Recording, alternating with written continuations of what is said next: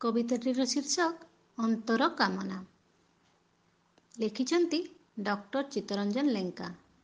ପରିବେଷଣ କରୁଛନ୍ତି ପଲ୍ଲବିନୀ ଆଚାର୍ଯ୍ୟ।